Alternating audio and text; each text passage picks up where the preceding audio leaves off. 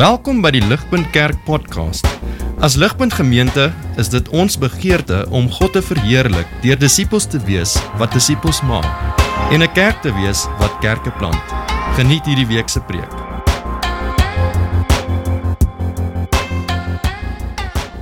Ek weet nie uh wat julle op skool geleer het um in biologie nie. Ek weet nie wie kan onthou van die die lewensiklus van 'n skoenlapper nie. Ek vind dit um fascinerend en ek gaan vra dat dat Fanie dit vir ons opsit op die bord, die lewensiklus van die skoenlapper. Die skoenlapper lê 'n eier. Um, ek weet nie of julle dit kan sien nie. Kan julle die dit al sien wonderlik. Um die skoenlapper lê 'n eier. Die eier broei 'n wurmpie uit. Die wurmpie ondergaan 'n metamorfose, dan word dit 'n papie en dan uit die papie uit kom 'n skoenlapper. Dis 'n wonderlike ding. Dis 'n pragtige prentjie. Um, en is deel van God se ontwerp. God het die skoenlapper so ontwerp dat hy eers 'n wurm moet wees en dan 'n 'n pragtige skoenlapper moet word. Um, en die Christenlewe is soortgelyk in 'n sekere opsig en tog totaal anderster in in 'n ander opsig. Um, ons word almal gebore in 'n natuurlike toestand. In daai opsig is ons dieselfde as die skoenlapper se lewensiklus. Ons word gebore in 'n sekere toestand. Ehm um, en ons kan dit die wurm toestand noem. So ons word gebore in die wurm toestand en ons kan die wurm Adam noem. So ons ehm um, word in die Adam toestand gebore. Ehm um, die groot verskil is ehm um, die die wurm word natuurlik 'n uh, papie en dan 'n skoenlapper, maar dis nie dieselfde gebeur nie noodwendig in die Christenlewe nie. Baie mense sterf in die wurm toestand of as Adam in Adam. Ehm um, en nie almal word Joshua die skoenlapper nie. Dis daar's 'n wonderwerk wat moet plaasvind. Dis nie die natuurlike vloei van dinge nie. 'n Wonderwerk moet in ons harte plaasvind vir ons om die skoenlapper te word. Ehm um, en daai wonderwerk is bekering. Dit is wat God in ons harte doen wanneer ons tot bekering kom. Bekering is wanneer die Gees in ons inkom en ons kom nuut maak. Ons totaal nuut kom maak. 'n Einde kom maak in ons ou lewe en nuwe lewe in ons kom inblaas en die begin van 'n nuwe lewe vir ons word. Nou my begeerte is nie vir oggend om enige iemand te beledig deur te sê ons is gebore as wurms nie. Ehm um, God is baie lief vir Adam die wurm en hy is baie lief vir Joshua die skoenlapper. My punt is eenvoudig dat daar is 'n radikale verskil tussen 'n wurm en 'n skoenlapper. Hulle aard is totaal verskillend. Hulle begeertes is verskillend, hulle harte is verskillend. Dit wat hulle wil hê is verskillend en die manier waarop hulle optree is verskillend.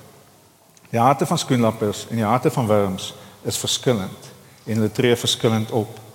En dieselfde is waar van Christene. Christene se harte is anders. Hulle is nie gemaak en daarom lewe hulle anders. Vers 24 sê and put on the new self created after the likeness of God in true righteousness and holiness. Skoenlappers is totaal nie gemaak, hulle is anders. Hulle is nie wurms nie, hulle wil iets anders hê. Nou, ek weet nie of enige van julle al ooit 'n uh, wurm sien vlieg het nie. Dit gebeur nie sommer net en sê as 'n voël hom gevang het. Ehm um, en dis nie great nie. Ehm um, so wurms vlieg nie.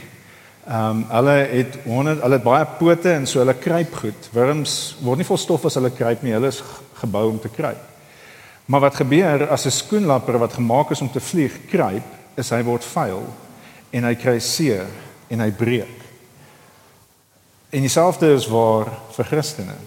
Christene wat lewe soos hulle vorige lewe kry seer en hulle breek en hulle kan nie hulle rol vervul in die samelewing nie. Vandag vandag se teks gaan oor Christene. Christene wat 'n nuwe hart ontvang het en 'n nuwe gees ontvang het, maar wat nog steeds lewe as wurms of as die ou mens. En in die proses bedroef hulle die gees van God wat binne in hulle is. En so ons gaan vanoggend deur die teks werk. Ehm um, dankie Janine wat vir ons so mooi gelees het. Ons gaan vinnig kyk na vers ehm um, as Fanie vir ons daardie net die outline kan opsit. So ons gaan drie punte na kyk. Ons gaan in vers 17 tot 19 kyk na die natuurlike lewe of die lewe in die vlees. In vers 20 tot 24 die nuwe lewe in die gees en in 25 tot 32 die ou gewoontes wat die gees bedroef. Ehm um, en on, dis goed vir ons om vinnig stil te staan en net terug te kyk wat ons sover in hierdie geesvervulde reeks gehoor het. So in week 1 het Poen vir ons uit Johannes 7 uit gewys dat ons het almal in ons harte het ons 'n baie diep begeerte. Ons het diep diep diep begeertes binne in ons. En daai begeertes kan slegs bevredig word in verhouding met God. Dit is slegs soos wat ons na God toe kom en sy gees in ons hart inkom wat ons strome van lewende water by God kan ontvang en daai strome van lewende water kan oorloop in ons lewens in. En so ons diepste hartse diepste begeerte is om by God bevrediging te vind en dit is wat ons kry deur die werking van die Gees in ons lewens. Ehm um, wanneer ons die Gees teenstaan, dan bedroef ons die Gees en dan ervaar ons nie daai strome van lewende water in ons verhouding met God nie. Verlede week het Koen vir ons gewys in Efesiërs 3 en 5 dat die die die uitstorting van die Heilige Gees in ons harte is 'n eenmalige ding. Dis 'n eenmalige nuutmaak. Maar wat ons nodig het is 'n daaglikse vervulling om in pas met die Gees te kan wandel. Ons is daagliks het ons 'n vervulling nodig vir ons om werklik 'n geesvervulde lewe te kan lewe. Ehm um, en as ons sistematies deur die boek van Efesiërs gewerk het, is al 'n klomp goed wat ons sou gesien het oor die werking van die Gees, maar ek wil net drie goedes vir ons uitlig wat baie belangrik is om vandag se teks te verstaan. So die die eerste ding wat ons nodig het om te verstaan van die werking van die Gees in die lewe van 'n Christen is in Efesiërs 1 vers 13 en 14. So e- e- Efesiërs 1 van vers 13 tot 14 sê ons is geseël deur die Gees. In him you also when you heard the word of truth, the gospel of your salvation, believed in him, were sealed with the promised Holy Spirit, who is the guarantee of our inheritance until we acquire possession of it to the praise of his glory. So die Gees seël ons vir God. Die Gees maak ons almal saam die tempel van God waar hy deur sy gees dwel. Vers Efesiërs 2 vers 22 sê in him you also are being built together into a dwelling place for God by his spirit. In daardie sien ons in Efesiërs 4 waarmee ons vanoggend besig is, vers 1 tot 3 dat die gees ons saambind. Die gees band bind ons met band van vrede. So I therefore a prisoner for the Lord urge you to walk in a manner worthy of your calling to which you have been called with all humility and gentleness with patience bearing with one another in love eager to maintain the unity of the spirit in the bond of peace. 'n Klomp Christene saam vorm 'n kerk waar God deur sy gees in hulle midde is en 'n band van vrede rondom hulle sit wat dan sy goedheid teenoor die wêreld demonstreer. Um, ons is God se tempel op aarde soos wat hy deur sy gees in ons midde woon. Um, nou ek het dit nie geweet nie, maar um, weet enige iemand wat mens 'n uh, 'n groep skoenlappers saamneem? Uh is nie 'n skool nie. Um, 'n groep skoenlappers saam is 'n kaleidoskoop. Mens noem 'n groep skoenlappers saam 'n kaleidoskoop van skoenlappers. En ons het 'n paar jaar terug het ons in Clarence al in die berge het ons 'n kaleidoskoop van skoenlappers gesien. Dit is 'n asemrowende gesig. Dit is reg pragtig. Ehm um, en dit is wat God ons geroep het om te wees. Ons is veronderstel om 'n kaleidoskoop van God se goedheid teenoor die wêreld te wees, soos wat sy werk in ons lewens oorvloei in ons lewens. Ons is 'n kaleidoskoop as God se mense saam van God se goedheid. Nou die eerste gedeelte wat ehm um, wat so half die nie so lekker gedeelte is nie, is wie ons is van nature, die wurm toestand as jy dit nou so wil noem of as jy meer teologies wil wees, die natuurlike lewe in die vlees. So dis dis wat ons sien in vers 17 tot 19. Kom ons lees dit. Kom ons lees vers 17 tot 19 wat op die blaadjies vir julle is of ek ek dink dit sal bo op wees. Now I say this and testify in the Lord that you must no longer walk as the Gentiles do, in the futility of their minds. They are darkened in their understanding, alienated from the life of God because of the ignorance that is in them, due to their hardness of heart. They have become callous and have given themselves up to sensuality, greedy to practice every kind of impurity. Dit is die natuurlike toestand. Dit is die Adam toestand. Dis 'n lewe wat gekenmerk is deur futile minds, deur darkened understanding, alienated from the life of God because of the ignorance that is in them due to their hardness of heart, and they have become callous and given themselves up to sensuality, greedy to practice every kind of impurity. Dit is nie 'n lekker beskrywing om van onsself te hoor wie ons is as gevolg van die sondeval in die wêreld nie. Dis wie dis dis ons natuurlike toestand. En ek dink as ons net uitkyk na die wêreld rondom ons, dan hoef ek nie baie te sê vir ons om te sien dis waar nie. Um ek dink as ons kyk na die toestand van ons land, dan is dit maklik om te sien iets is fout. En as ons kyk na hoe die wêreld nou waarheid byvoorbeeld as een onderwerp beskou, kan ons sien hoe stikkend die wêreld is. Ek gaan um, ek gaan vir Fanie vra om nou vir ons net 'n 'n 'n berig op te sit, 'n opskrif van die New York Post se se opskrif op te sit om net 'n punt te maak van hoe gebroken die wêreld is. Maar gaan net vra dat alle kinders onder 16 hulle oor toe maak dat hulle dit nie lees nie.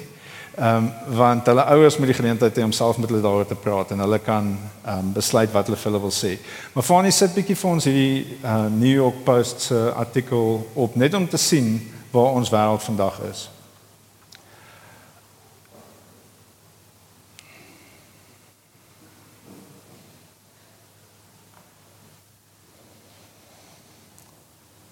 Kan jy dit sien?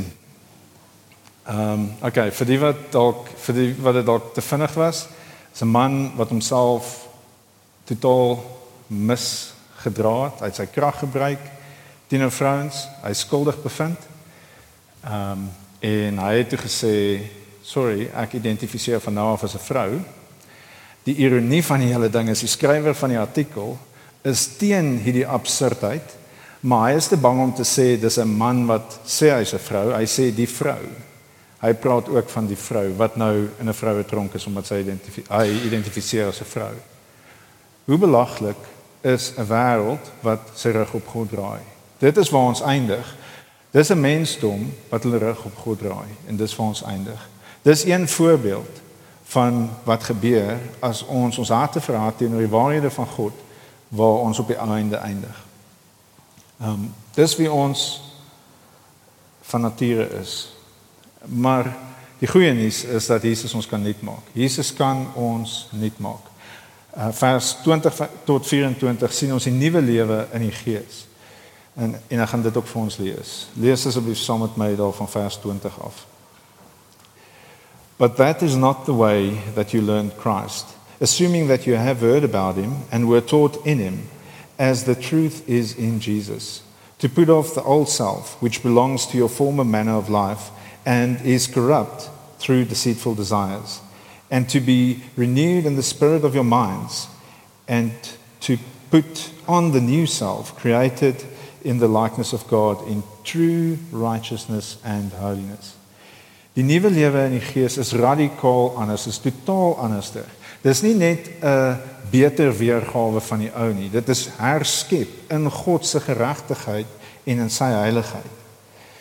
Dit is wie ons is wanneer die Gees binne ons woon. Hy vernuwe ons denke en hy vernuwe ons gedrag en dit maak dat ons anders te is. 'n Ou 'n kenmerk van die ou lewe is harte van klip. Um en 'n ge, gewete wat oneffektief is omdat dit eelte van sonde op dit het. Dis dis die kenmerke van van die ou lewe. Die belofte van die nuwe verbond wat ons ontvang as nuwe verbond gelowiges is totaal radikaal anders. Ek gaan net vir ons lees wat die belofte was wat ons alreeds ontvang het. Uh, as ons geloof in Jesus is in Jesegiel in Jesegiel um 36 vers 26. Jesegiel 36 vers 26 sê and I will give you a new heart and I I will and a new spirit I will put within you. I will remove the heart of stone from your flesh and give you a heart of flesh.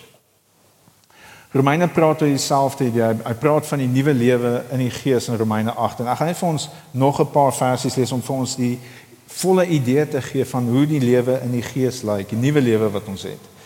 Romeine 8 vers 5 sê for those who live according to the flesh set their minds on things of the flesh but those who live according to the spirit set their minds on things of the spirit for for to set the mind on the flesh is death but to set the mind on the spirit is life and peace.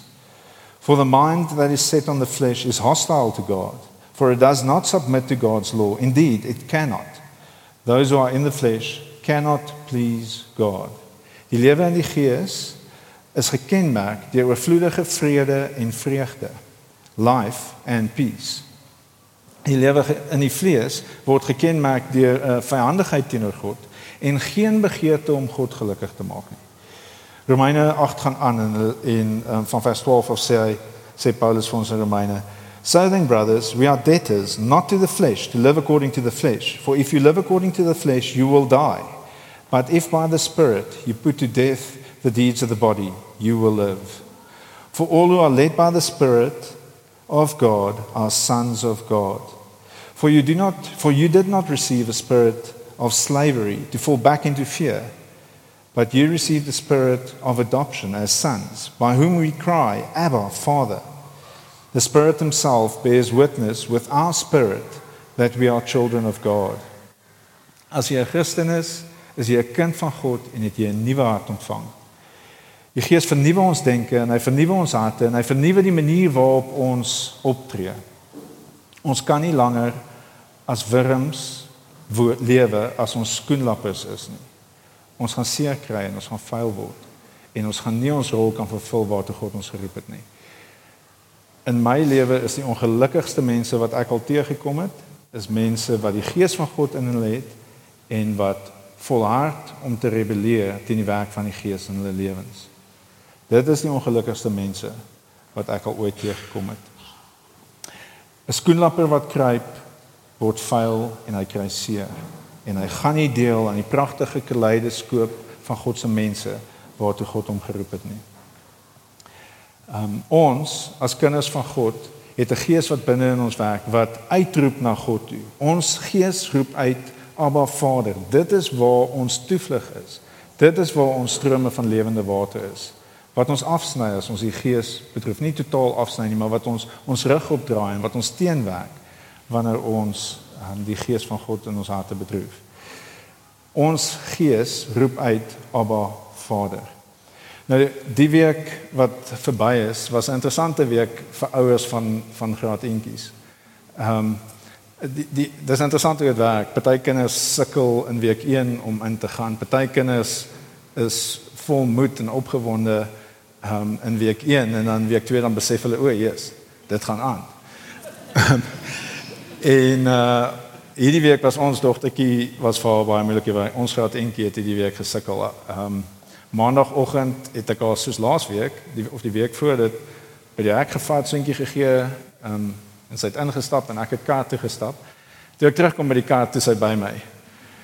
Toe sê sy vir my, "Pappa, ek kan nie 6 ure sonder jou mamma wees nie. Ek verlang te veel." En toe vat ek haar net maar in en ehm um, en maandag maandag het ek haar ingevat, ingestap. Ek was nog nooit binne in die skool nie, maar um, ingevat en haar basically van my lyf afgeskeer en vir die juffrou gegee. Dag 2 het ek weer dieselfde afgeskeer en op die stoel neergedruk. Dag 3 het ek in die ry gaan staan saam met die ander graad eentjies. Ehm um, en ingestap. Dag 4 waar ek sê môre juffrou môre maats. Dag 5 het ehm um, ek my vrou gevra om te probeer.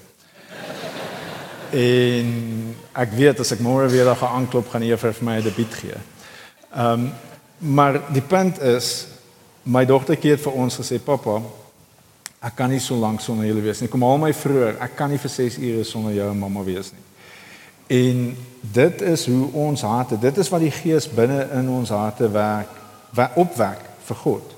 Ons ervaring van die Gees is baie sterker as ons natuurlike ervaring van ons liefde van waar ons hoop en beskerming vandaan kom. Ons veg die gees te soos wat ons in sonde optree en dan ervaar ons nie daai sterk liefde van God nie. En ons ervaar nie daai veiligheid wat ons in verhouding met God kan beleef nie. Vers 30 sê vir ons um vers 30 sê do not grieve the holy spirit of God by whom you were sealed for the day of redemption. In vers 25 tot 32 sien ons daai goeders wat wat die gees teë staan, wat teen die gees werk, wat die gees bedroef en wat dan in die proses die die liggaam seer maak. En so ons gaan ons gaan vinnig daardie werk. Ehm um, daar's vier maniere waarop, want dis nie al maniere vir ons om te sondig nie, maar dis die maniere wat Paulus hier gekies het om vir ons te sê, dis die maniere waarop ons die gees bedroef en die manier waarop ons optree. Die eerste een is in vers 25. Vers 25 sê, "Therefore, having put away all falsehood, let each one of you speak the truth with his neighbor, for we are members one of another." Die Heilige Gees wat binne in ons is, is die Gees van waarheid. Hy hy vier die waarheid. En so wanneer ons nie die waarheid praat nie, dan bedroef ons die Gees binne in ons. En ons bedroef nie net die Gees binne ons nie, ons berokken skade teenoor die groter liggaam. Ons ehm um, ons is nie die opbouende element wat ons veronderstel is om te wees nie. Nou in 'n kultuur in 'n hulle noem ons tyd post-truth. Um, ons lewe in 'n post-truth wêreld waar fake news 'n ding is, 'n industrie is, 'n industrie wat die begeerte het om seer te maak. 'n Industrie wat die begeerte het om mense se karakter af te breek, um, om instansies se credibility te vernietig. Dis die wêreld waarin ons woon en dis die lig wat ons inasem. En ons moet baie versigtig wees om nie soos die wêreld rondom ons die game te speel van om die waarheid te gebruik om ons of om ons weergawe van die waarheid te gebruik om onsself te laat beter lyk of om ander af te druk. Ehm um, ons het 'n swakheid binne in ons in ons harte wat nog steeds nie die evangelie glo soos wat ons moet nie. Ons glo nie Jesus is die koning en ons geregtigheid lê in hom nie. Ons wil ons geregtigheid in 'n manier beskerm en dan verdraai ons die waarheid baie keer. Is 'n geneigtheid, dis 'n ding waarvoor ons versigtig moet wees. Ehm um, ons ek dink ons ons doen dit baie keer selfs in ons ligpunt gesinne waar ons nie heeltemal die waarheid wil praat nie. Ons wil nie heeltemal sê hoe dit met ons gaan nie. Ons wil nie sê wanneer ons swaar kry, wanneer ons sukkel, sodat mense vir ons kan bid nie. Ons wil ons pause hou. Ons wil ons geregtigheid beskerm. En in die proses ontneem ons onsself van die liefde van God wat deur mense in ons harte ingepraat kan word. Ons ontneem onsself van die gebed van ander mense vir ons. En ons ontneem die mense rondom ons van die geleentheid dat die Gees deur hulle kan werk en ons kan help. En so ons ligpunt gesinne is 'n plek waar ons die waarheid in liefde kan praat en kan hoor. Ehm um, ek dink baie keer eh, ehm um, gebruik ons as Christene ook hierdie verse as 'n verskoning om gemeen te wees met die waarheid. Um, ons hoor dit en ons sê ons gaan in die naam van waarheid het ons 'n lisensie om mense 'n klein bietjie by te kom. Um, en weer eens dink ek nie dit is met die waarheid wat ons mense bykom nie. Ek dink is met ons weergawe van die waarheid of ehm um, onder die vaandel van waarheid gee ons ons perspektief oor 'n gegeewe situasie en ons maak seer. Ehm um, ons berokken skade eerder as om op te bou. Ja, ek weet nie wie die fliek Glass Onion dalk al gesien het nie. Hy's ehm um, as 'n fliek wat op Netflix op die stadium is en ehm um, James Bond speel daar. Ehm um, nee, die reg, ek dink hy is meer ja, hy is meer Bond. Daniel Craig speel ehm um, Benno Blanc. Hy's 'n wêreldberoemde speurder en ehm um, Kate Hudson speel Birdie. En Birdie is 'n afgetrede supermodel wat nou soort van 'n mover and shaker op social media is. En ehm um, wanneer hulle twee met mekaar gesels in die in die film dan dan sê sy op 'n stadium sê sy vir Benno Blanc sê ehm um, Birdie I'm a truth teller and some people can't handle that. En dan sê hy vir ehm um, hy antwoord hy sê it's a dangerous thing to mistake speaking without thought for speaking the truth. Um, Birdie is gemaklik met haar weergawe van die waarheid. Sy is totaal onsensitief vir ehm um, die feit dat haar waarheid nie gebaseer is op die feite nie. Haar waarheid is eenvoudig gebaseer op haar opinie. Sy glo haar opinie is waarheid. Ehm um, en hy sê dis 'n baie gevaarlike ding. En dit is 'n dit is 'n gevaarlike ding in ons samelewing. Dit is 'n baie gevaarlike ding vir ons om te glo ons opinie is waarheid. Selfs al is dit nie gebaseer op die feite van die saak nie. As Christene behoort ons sensitief te wees vir die onderskeid. Ons behoort versigtig te wees in die posisies wat ons harte inneem, maar ons behoort ook versigtig te wees in die manier waarop ons met ander kommunikeer. As ons ons perspektief gee, moet ons besef dis ons pers perspektief of ons opinie en ons moet besef dat ons nie al die feite het nie, baie keer. Baie keer het ons nie al die feite nie en so ons opinie is ons opinie. Um, en ons moet bereid wees om te luister. Ons moet 'n baie sterk begeerte hê om te probeer verstaan en om 'n beter perspektief op die situasie te kry sodat ons by die waarheid kan uitkom op die einde van die dag. Ons behoort baie versigtig te wees. En ons het nodig om die Gees te vra om ons daagliks daarmee te help. Ons gaan in hierdie wêreld teen die stroom moet opswem. Ons gaan nie kan saam met die stroom gaan as dit kom by die waarheid nie. Ons gaan die Gees moet vra om ons sensitief te maak vir die waarheid om ons te help om nie te oordryf nie, om nie meer te sê as wat dit is nie. Om nie dinge swart in swart en wit terme te stel wat grys is nie en om nie dinge grys te maak wat swart en wit is nie. Ons moet versigtig wees om nie te spekuleer oor ander se motiewe nie. Want ons weet nie. Ons kan nie die waarheid praat as ons spekuleer oor ander se opinies nie of se motiewe nie. Ehm um, en ons moet versigtig wees om die waarheid nie op so 'n manier te stel dat ons onsself net 'n klein bietjie beter laat lyk nie of net so klein bietjie soos die hero van die storie laat lyk nie. Ons moet bid dat God ons help om baie sensitief te wees vir die waarheid en om die waarheid te stel soos wat ons dit het, het en God te vertrou met die uitkoms om nie die uitkoms te probeer manipuleer nie om eenvoudig die dinge op die tafel te sit soos wat ons dit het en dan die persoon 'n geleentheid te gee om self tot 'n opinie te kom en wat dit ook al mag wees en God te vertrou met die uitkoms, nie te manipuleer nie. Um ons het 'n ons het 'n vriendin in die kerk wat 'n geweldige sensitiwiteit het vir die waarheid. So dit gebeur soms dat sy na kuier dan dan bel sy, dan sal sy sê, "Ehm um, toe ek hierdie gesê het, besef ek was my hart op daai plek en ek het so klein bietjie oordryf. Ek is jammer daaroor." Of sy sal sê, "Ehm um, hier het ek 'n ding gestel asof dit die absolute waarheid is." Ek besef nou ek het van hierdie vergeet. En so sy bel om die waarheid reg te stel. Um in my opinie in lyn te bring met dit wat actually waar is en nie dit wat sy wou gehad het ek moet dink nie. En dis 'n wonderlike voorbeeld van iemand wat sensitief is vir die leiding van die Gees.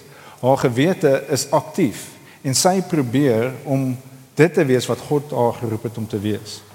Ehm um, soos wat sy getrou is aan die werking van die Gees in haar lewe, ehm um, inspireer sy my in my huishouding om baie meer sensitief te wees oor hoe ons met die waarheid en met ander mense omgaan. Ehm um, en so die eerste ding is ons praat die waarheid, ons vertrou die Gees. Die tweede ding is in vers 26 en 27. Be angry and do not sin. Do not let the sun go down on your anger and give no opportunity to the devil. Um aan die begin van ons huwelik het ek gedink dit beteken jy moet die goed uitsorteer voor jy gaan slaap. En dit werk nie. Um, baie baie dinge het jare nodig om tot 'n verstaan te kom van wat actually aan die gang is en wat binne in jou aan die gang is. Um en so hier is nie 'n oproep vers 6 to be angry do not sin do not let the sun go down in your anger. Sê nie sorteer dit uit nie. Dit so dit sê laat die woede gaan. Laat die woede gaan voor jy gaan slaap. Dit moet ons doen. Ons kan nie met kwaad kwaad woede gevulde harte gaan slaap nie. Want die woede groei. Ehm um, en die woede vernietig ons van binne af. Ehm um, ons moet na God toe gaan elke aand en as daar iets is waaroor ons kwaad is, moet ons by hom perspektief kry. Ons moet die Gees toelaat om die woede binne in ons harte vir ons te identifiseer, te verstaan en by God te los, wetende dat hy in beheer is. God is in beheer. Ons kan hom vertrou en daarom hoef ons nie woedend te wees nie. Woede wat ons nie laat gaan nie. Alle woede is nie sonde nie. So ehm um, dis baie duidelik. Alle woede is nie sonde nie, maar sonde wat ons toelaat om in ons harte pos te vat en 'n hou vas te kry, lei en ek dryf nie altyd tot sonde. Woede wat 'n hou vas oor ons harte kry, lei altyd tot sonde. Dit lei tot sondige gedagtes, dit lei tot sondige woorde, dit lei tot sondige gedrag en op die einde lei dit tot bitterheid. Bitterheid is daai toestand Aristotle beskryf bitterheid as the resentful spirit which refuses reconciliation. Bitterheid het die geneigtheid om oor tyd deel van ons identiteit te word. Dit kry so hou vas oor ons dat dit voel asof ons lewe nie meer sin maak sonder daardie bitterheid nie. Dit is 'n baie gevaarlike ding Dit's 'n baie gevaarlike ding om te gaan slaap in die aand sonder om die woede wat in ons hart is te laat gaan. En daarom het ons God se hulp daarvoor nodig. Ons het nodig dat God ons help om woede te laat gaan. Ehm um, anders te betref ons die gees van God in ons harte want ons ontken God se goedheid, God se soewereiniteit en ons laat nie toe dat hy ons vernuwe en nuwe mense wees soos wat die gees binne in ons ehm um, skep nie. Ons kan nie als uitsorteer voor ons gaan slaap nie, maar ons kan God vertrou en hom toe en en ons woede by hom toelaat. Dit is wat die dis hoe die geloofslewe lyk. Is om God te vertrou dat hy beheer is en daarom kan ons die woede laat gaan. Ehm um, vir ons om 'n gemeenskap van genade te wees, het die Gees nodig om kragtig binne in ons te werk. Ons het nie binne in onsself die vermoë om die vrugte van die Gees altyd uit te leef nie. Die Gees moet werklik binne in ons werk. Vir ons om ehm um, hoe begin die vrugte van die Gees? Liefde, blydskap, vrede, geduld, vriendelikheid, goedheid, getrouheid, sagmoedigheid en selfbeheersing. Dis nie die dinge wat ons by onsself kan aanwakker op 'n gereelde basis nie. Ons het nodig om na God toe te gaan. Ons het nodig om by die fontein van lewe te drink dat hierdie dinge in ons lewe kan oorvloei. En as ons woede in ons harte koester, dan kan dit nie gebeur nie. Dan bedroef ons die gees binne in ons. Ehm um, en so ons het nodig om God te vra om ons te help om woede te laat gaan. Vers 28, die derde een, daar's net vier, so ons is amper daar. Um, the Dadian is let the thief no longer steal, but let him rather labor, doing honest work with his hands, so that he may have something to share with those in need. Nou weer eens, ek dink nie enige iemand um, beplan om te steel wat vandag in die vertrek is nie. Um, ek sou baie verbaas wees as enige iemand besig is om te dink hy gaan sy middagete by Woolworths kry na kerk sonder om te betaal.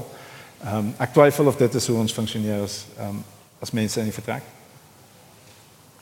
Maar ek dink tog daar's dinge waarvoor ons versigtig moet wees.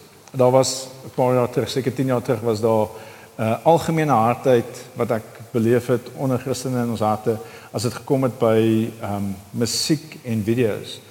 Dit was amper aanvaarbaar om pirate musiek en video's op jou rekenaar te dis diefstal waar waarvoor ons harte vraat was. Gelukkig is daar nou Netflix en um iTunes en so aan wat stream. So ons hoef nou nie meer musiek te steel en video's te steel nie.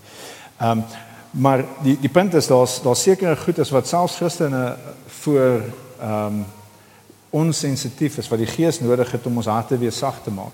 En ek dink wel een van daai areas waar ons in die vertrek wel um in gevaar is, is as dit kom by belasting. Dink ons is op risiko um baie keer. Ek dink ons um ons is in versoeking om om sekere goedes te regverdig omdat ons dink ons kan nie die regering vertrou met ons belastinggeld nie. So ons gaan nie ons huurinkomste inkomste verklaar wat ons kry uit ons kry nie flat uit nie. Dit is diefstal. Dit is sonde. Dit bedroef die gees binne in ons. En ons kan dit nie doen nie. Ons moet daarvan repent. Ons moet vra dat die gees ons sal help en ons energie en die vermoë sal gee om dit te stop. Ehm um, 'n verdere manier waarop ons ehm um, wat binne in die vertrek is ehm um, op risiko is om te steel is wat Maleagi sal sê die profeet Maleagi die laaste boek in die Ou Testament sê die mense van God roof God wanneer ons nie ons tiendes vir hom gee nie. Wanneer ons ons vertroue in ons tiendes plaas of in onsself plaas en nie in God nie, dan roof ons God. En dis iets waaroor ons moet bid. Dis iets wat ons nodig het om oor te bid, dat die Gees ons harte sal sag maak en dat die Gees ons oë sal oopmaak vir dit waartoe God ons op hierdie stadium roep. Die teks sê baie duidelik, die dief moet nie meer steel nie. Hy moet hard werk sodat hy iets het om met ander te deel en dit is waartoe ons geroep word. Vers 29 is die laaste een wat Paulus vir ons gee in die maniere waarop ons die gees bedroef deur die gemeenskap skade te berokken. Vers 29 sê let no corrupting talk come out of your mouths but only such but only such as is good for building up as fits the occasion that it may give grace to those who hear. Nou, ek is so vasgevang in ouerskap, ek kan amper nie praat sonder om oor ouerskap te praat nie. Maar daar is soveel geleenthede elke dag om hierdie mis te kry met ouerskap. Dis so moeilik dat jou gesprekke altyd opbouend is en dat jy nie net wil terug sê wat jy dink nie. Ehm um, en en dis een van daai dinge. Ehm um, ek het ek het hier geskryf as jy vir die 50ste keer en dan besef ek ehm um, dis nie vir die 50ste keer nie. As jy vir die derde keer vir jou kind op 'n dag sê moenie jou suster afkraak nie. Luister haar storie uit en wees bly saam met haar. As jy dit vir die soveelste keer moet doen. Ek het dit nie in my nie. Ek het nodig dat die Gees dit binne in my sal aanwakker om my gesprekke altyd gepas te hê en altyd te laat getuig van genade. Ons het dit nodig. Ons het die Gees nodig. Ehm um, en die Gees sal ons help. Ons moet net nie teen die Gees werk nie. Ons moet sensitief wees vir die leiding van die Gees. Um, ons kan nie afbreek dit wat God besig is om op te bou nie. Um, vir ons spraak om vir ons, vir ons as gelowiges, is spraak baie naby aan die hart van ons geloof. Daar wat ons gesien het in um, in Efesiërs 2 vers 22.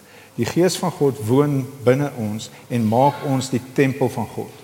Ons, die mense, is die tempel van God en God gebruik ons om met mekaar te kommunikeer. So ons het ons kry van God af geesvervulde woorde om mekaar op te bou in die geloof. En soos wat ons die geesvervulde woorde van mekaar af hoor, ervaar ons God se liefde. Wat ons sê en hoe ons praat is geweldig belangrik. En ons het nodig om nie teen die gees te werk in dit nie. Ons kan nie ons sondige natuur toelaat om die oorhand te voer omdat ons geïrriteerd voel of gekrap voel. Ons kan dit nie doen nie. Ons doen dit, maar ons kan dit nie doen nie. Um Paulus sê vir ons hier is hoe die die idees wat ons wat vir ons die opdrag is in vers 31. Let all bitterness and wrath and anger and clamor and slander be put away from you along with all malice. Malice is kwaadwillige begeertes. En so selfs ek weet dit. Ek weet ons sit hier in die vertrek en ons het ons harte is partykeer bitter. Ons is kwaad, ons is gefrustreerd. Daar's baie dinge Daar's baie foute wat ons maak en ons maak dit herhalend en ons maak dit daagliks en weekliks. Die hoop van die evangelie, die goeie nuus van die evangelie is die Gees werk binne in ons. God verlaat ons nie soos wat ons sondig nie. Hy wil hê ons moet na hom toe kom en in hom hoop en by hom die krag vind om anders te lewe, om nie meer ander af te kraak nie, maar die Gees te vertrou en ander op te bou en om ons kinders op te bou om geduldig te wees en om in liefde die waarheid te praat. En daarom sê Paulus in vers 32 en hy glo ons kan dit doen. Hy sê be kind to one another, tender-hearted, forgiving one another as God in Christ forgave you. Ek sluit af met 'n storie wat laasweek afgespeel het. Ehm um, verlede Saterdag het ek 'n pa gesien. Ehm um, en ek kon sien dit was 'n lang dag in die son, hy het so gesê Ehm um, en sy kinders was in daai oomblik baie veel eisend. En ek kon sien hy het gesukkel. Ehm uh, maar my opinie het hy eintlik het homself baie goed gedra. Ehm um, onder omstandighede. Ehm uh, maar het sonoggend na kerk het hy gewag en hy het na my toe gekom en hy het vir my kom sê ehm um, ek is jammer. Ek wil sê ek is jammer vir wat in my hart aan die gang was op daai oomblik. Ek was woedend. My ego was geskend geweest. Ek wou slange vang. En ek is jammer daaroor. En ek het dit nie eens gesien nie, maar hy het geweet dit was in, in sy hart aan die gang. En ek dink sy kinders het geweet dit was in sy hart aan die gang. Ehm um, en so hy het hom verskoning kom vra teenoor my, hy het hom verskoning gevra teenoor sy kinders en die Gees het hom vrygemaak van die woede. Die Gees het hom vrygemaak van die hartseer. Ehm um, en die Gees wat deur hom gewerk het, het oorgeloop in my lewe in en in sy kinders se lewe in en almal het die vrugte gepluk van 'n geesvervulde lewe. En dit gee my hoop. Dit gee my hoop dat dit is wat God in ons kan produseer. Nie nie 'n perfekte lewe nie, maar 'n lewe wat getuig van genade, 'n lewe wat getuig van iemand wat weet sy sondes is vergewe en daarom hoef hy nie sy identiteit te kry daarin om reg te wees nie of van sy eie geregtigheid te kry nie. Hy kan sê hy is jammer.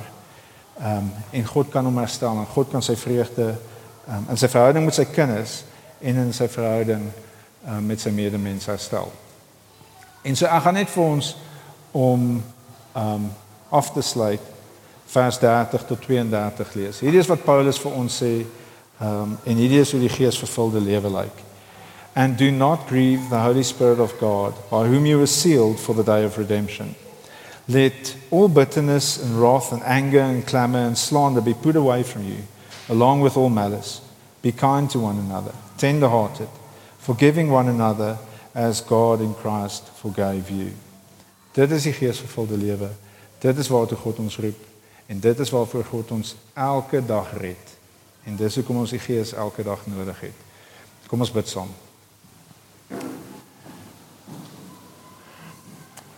Vader ons ons dankie vir u genade. Ons dankie dat u geweldig lief is vir ons. Ons dankie dat ehm um, u nie gefrustreerd raak nie, dat u woede nie oorloop oor ons soos wat ons dit leerstel nie. Ons dankie dat u woede oor u seun uitgeloop het. Dat u al die woede op die seun uitgestort het sodat ons nou in sy skadu kan staan. Sodat ons nou waar hy in ons plek gestaan het, staan ons nou in sy plek. Dankie vir die vergifnis van sondes. Dankie dat U ons sien soos wat U vir Jesus sien. Dankie dat ons nou met totale vrymoedigheid na U toe kan kom en dat U elke dag vir ons nuwe krag gee, nuwe lewe gee en dat daar elke dag vir ons vreugde en vrede by U beskikbaar is. Vader, help ons asseblief om nie teen U gees te werk nie. Help ons asseblief om nie ons vleeslike bestaan 'n houvas in ons lewens te gee nie. Gebruik ons asseblief, Vader. Gebruik ons as 'n gemeenskap om um, om 'n kaleidoskoop van u goedheid te wees. Gebruik ons om uh u liefde vir ander te kommunikeer en dat ander sal kan sien ons is werklik lief vir u want u is 'n goeie God. U is 'n God wat ons vernuwe. U is 'n God wat ons nuut maak en wat ons u kinders maak. Vader mag ons harte opreg uitroep Abba, Abba Vader en mag ons werklik strome van lewende water in ons verhouding met u ervaar. Ons vra dit in Jesus se naam. Amen. Vir meer inligting oor Ligpunt Kerk, besoek gerus ons webwerf op www.ligpunt.com of kontak ons gerus by info@ligpunt.com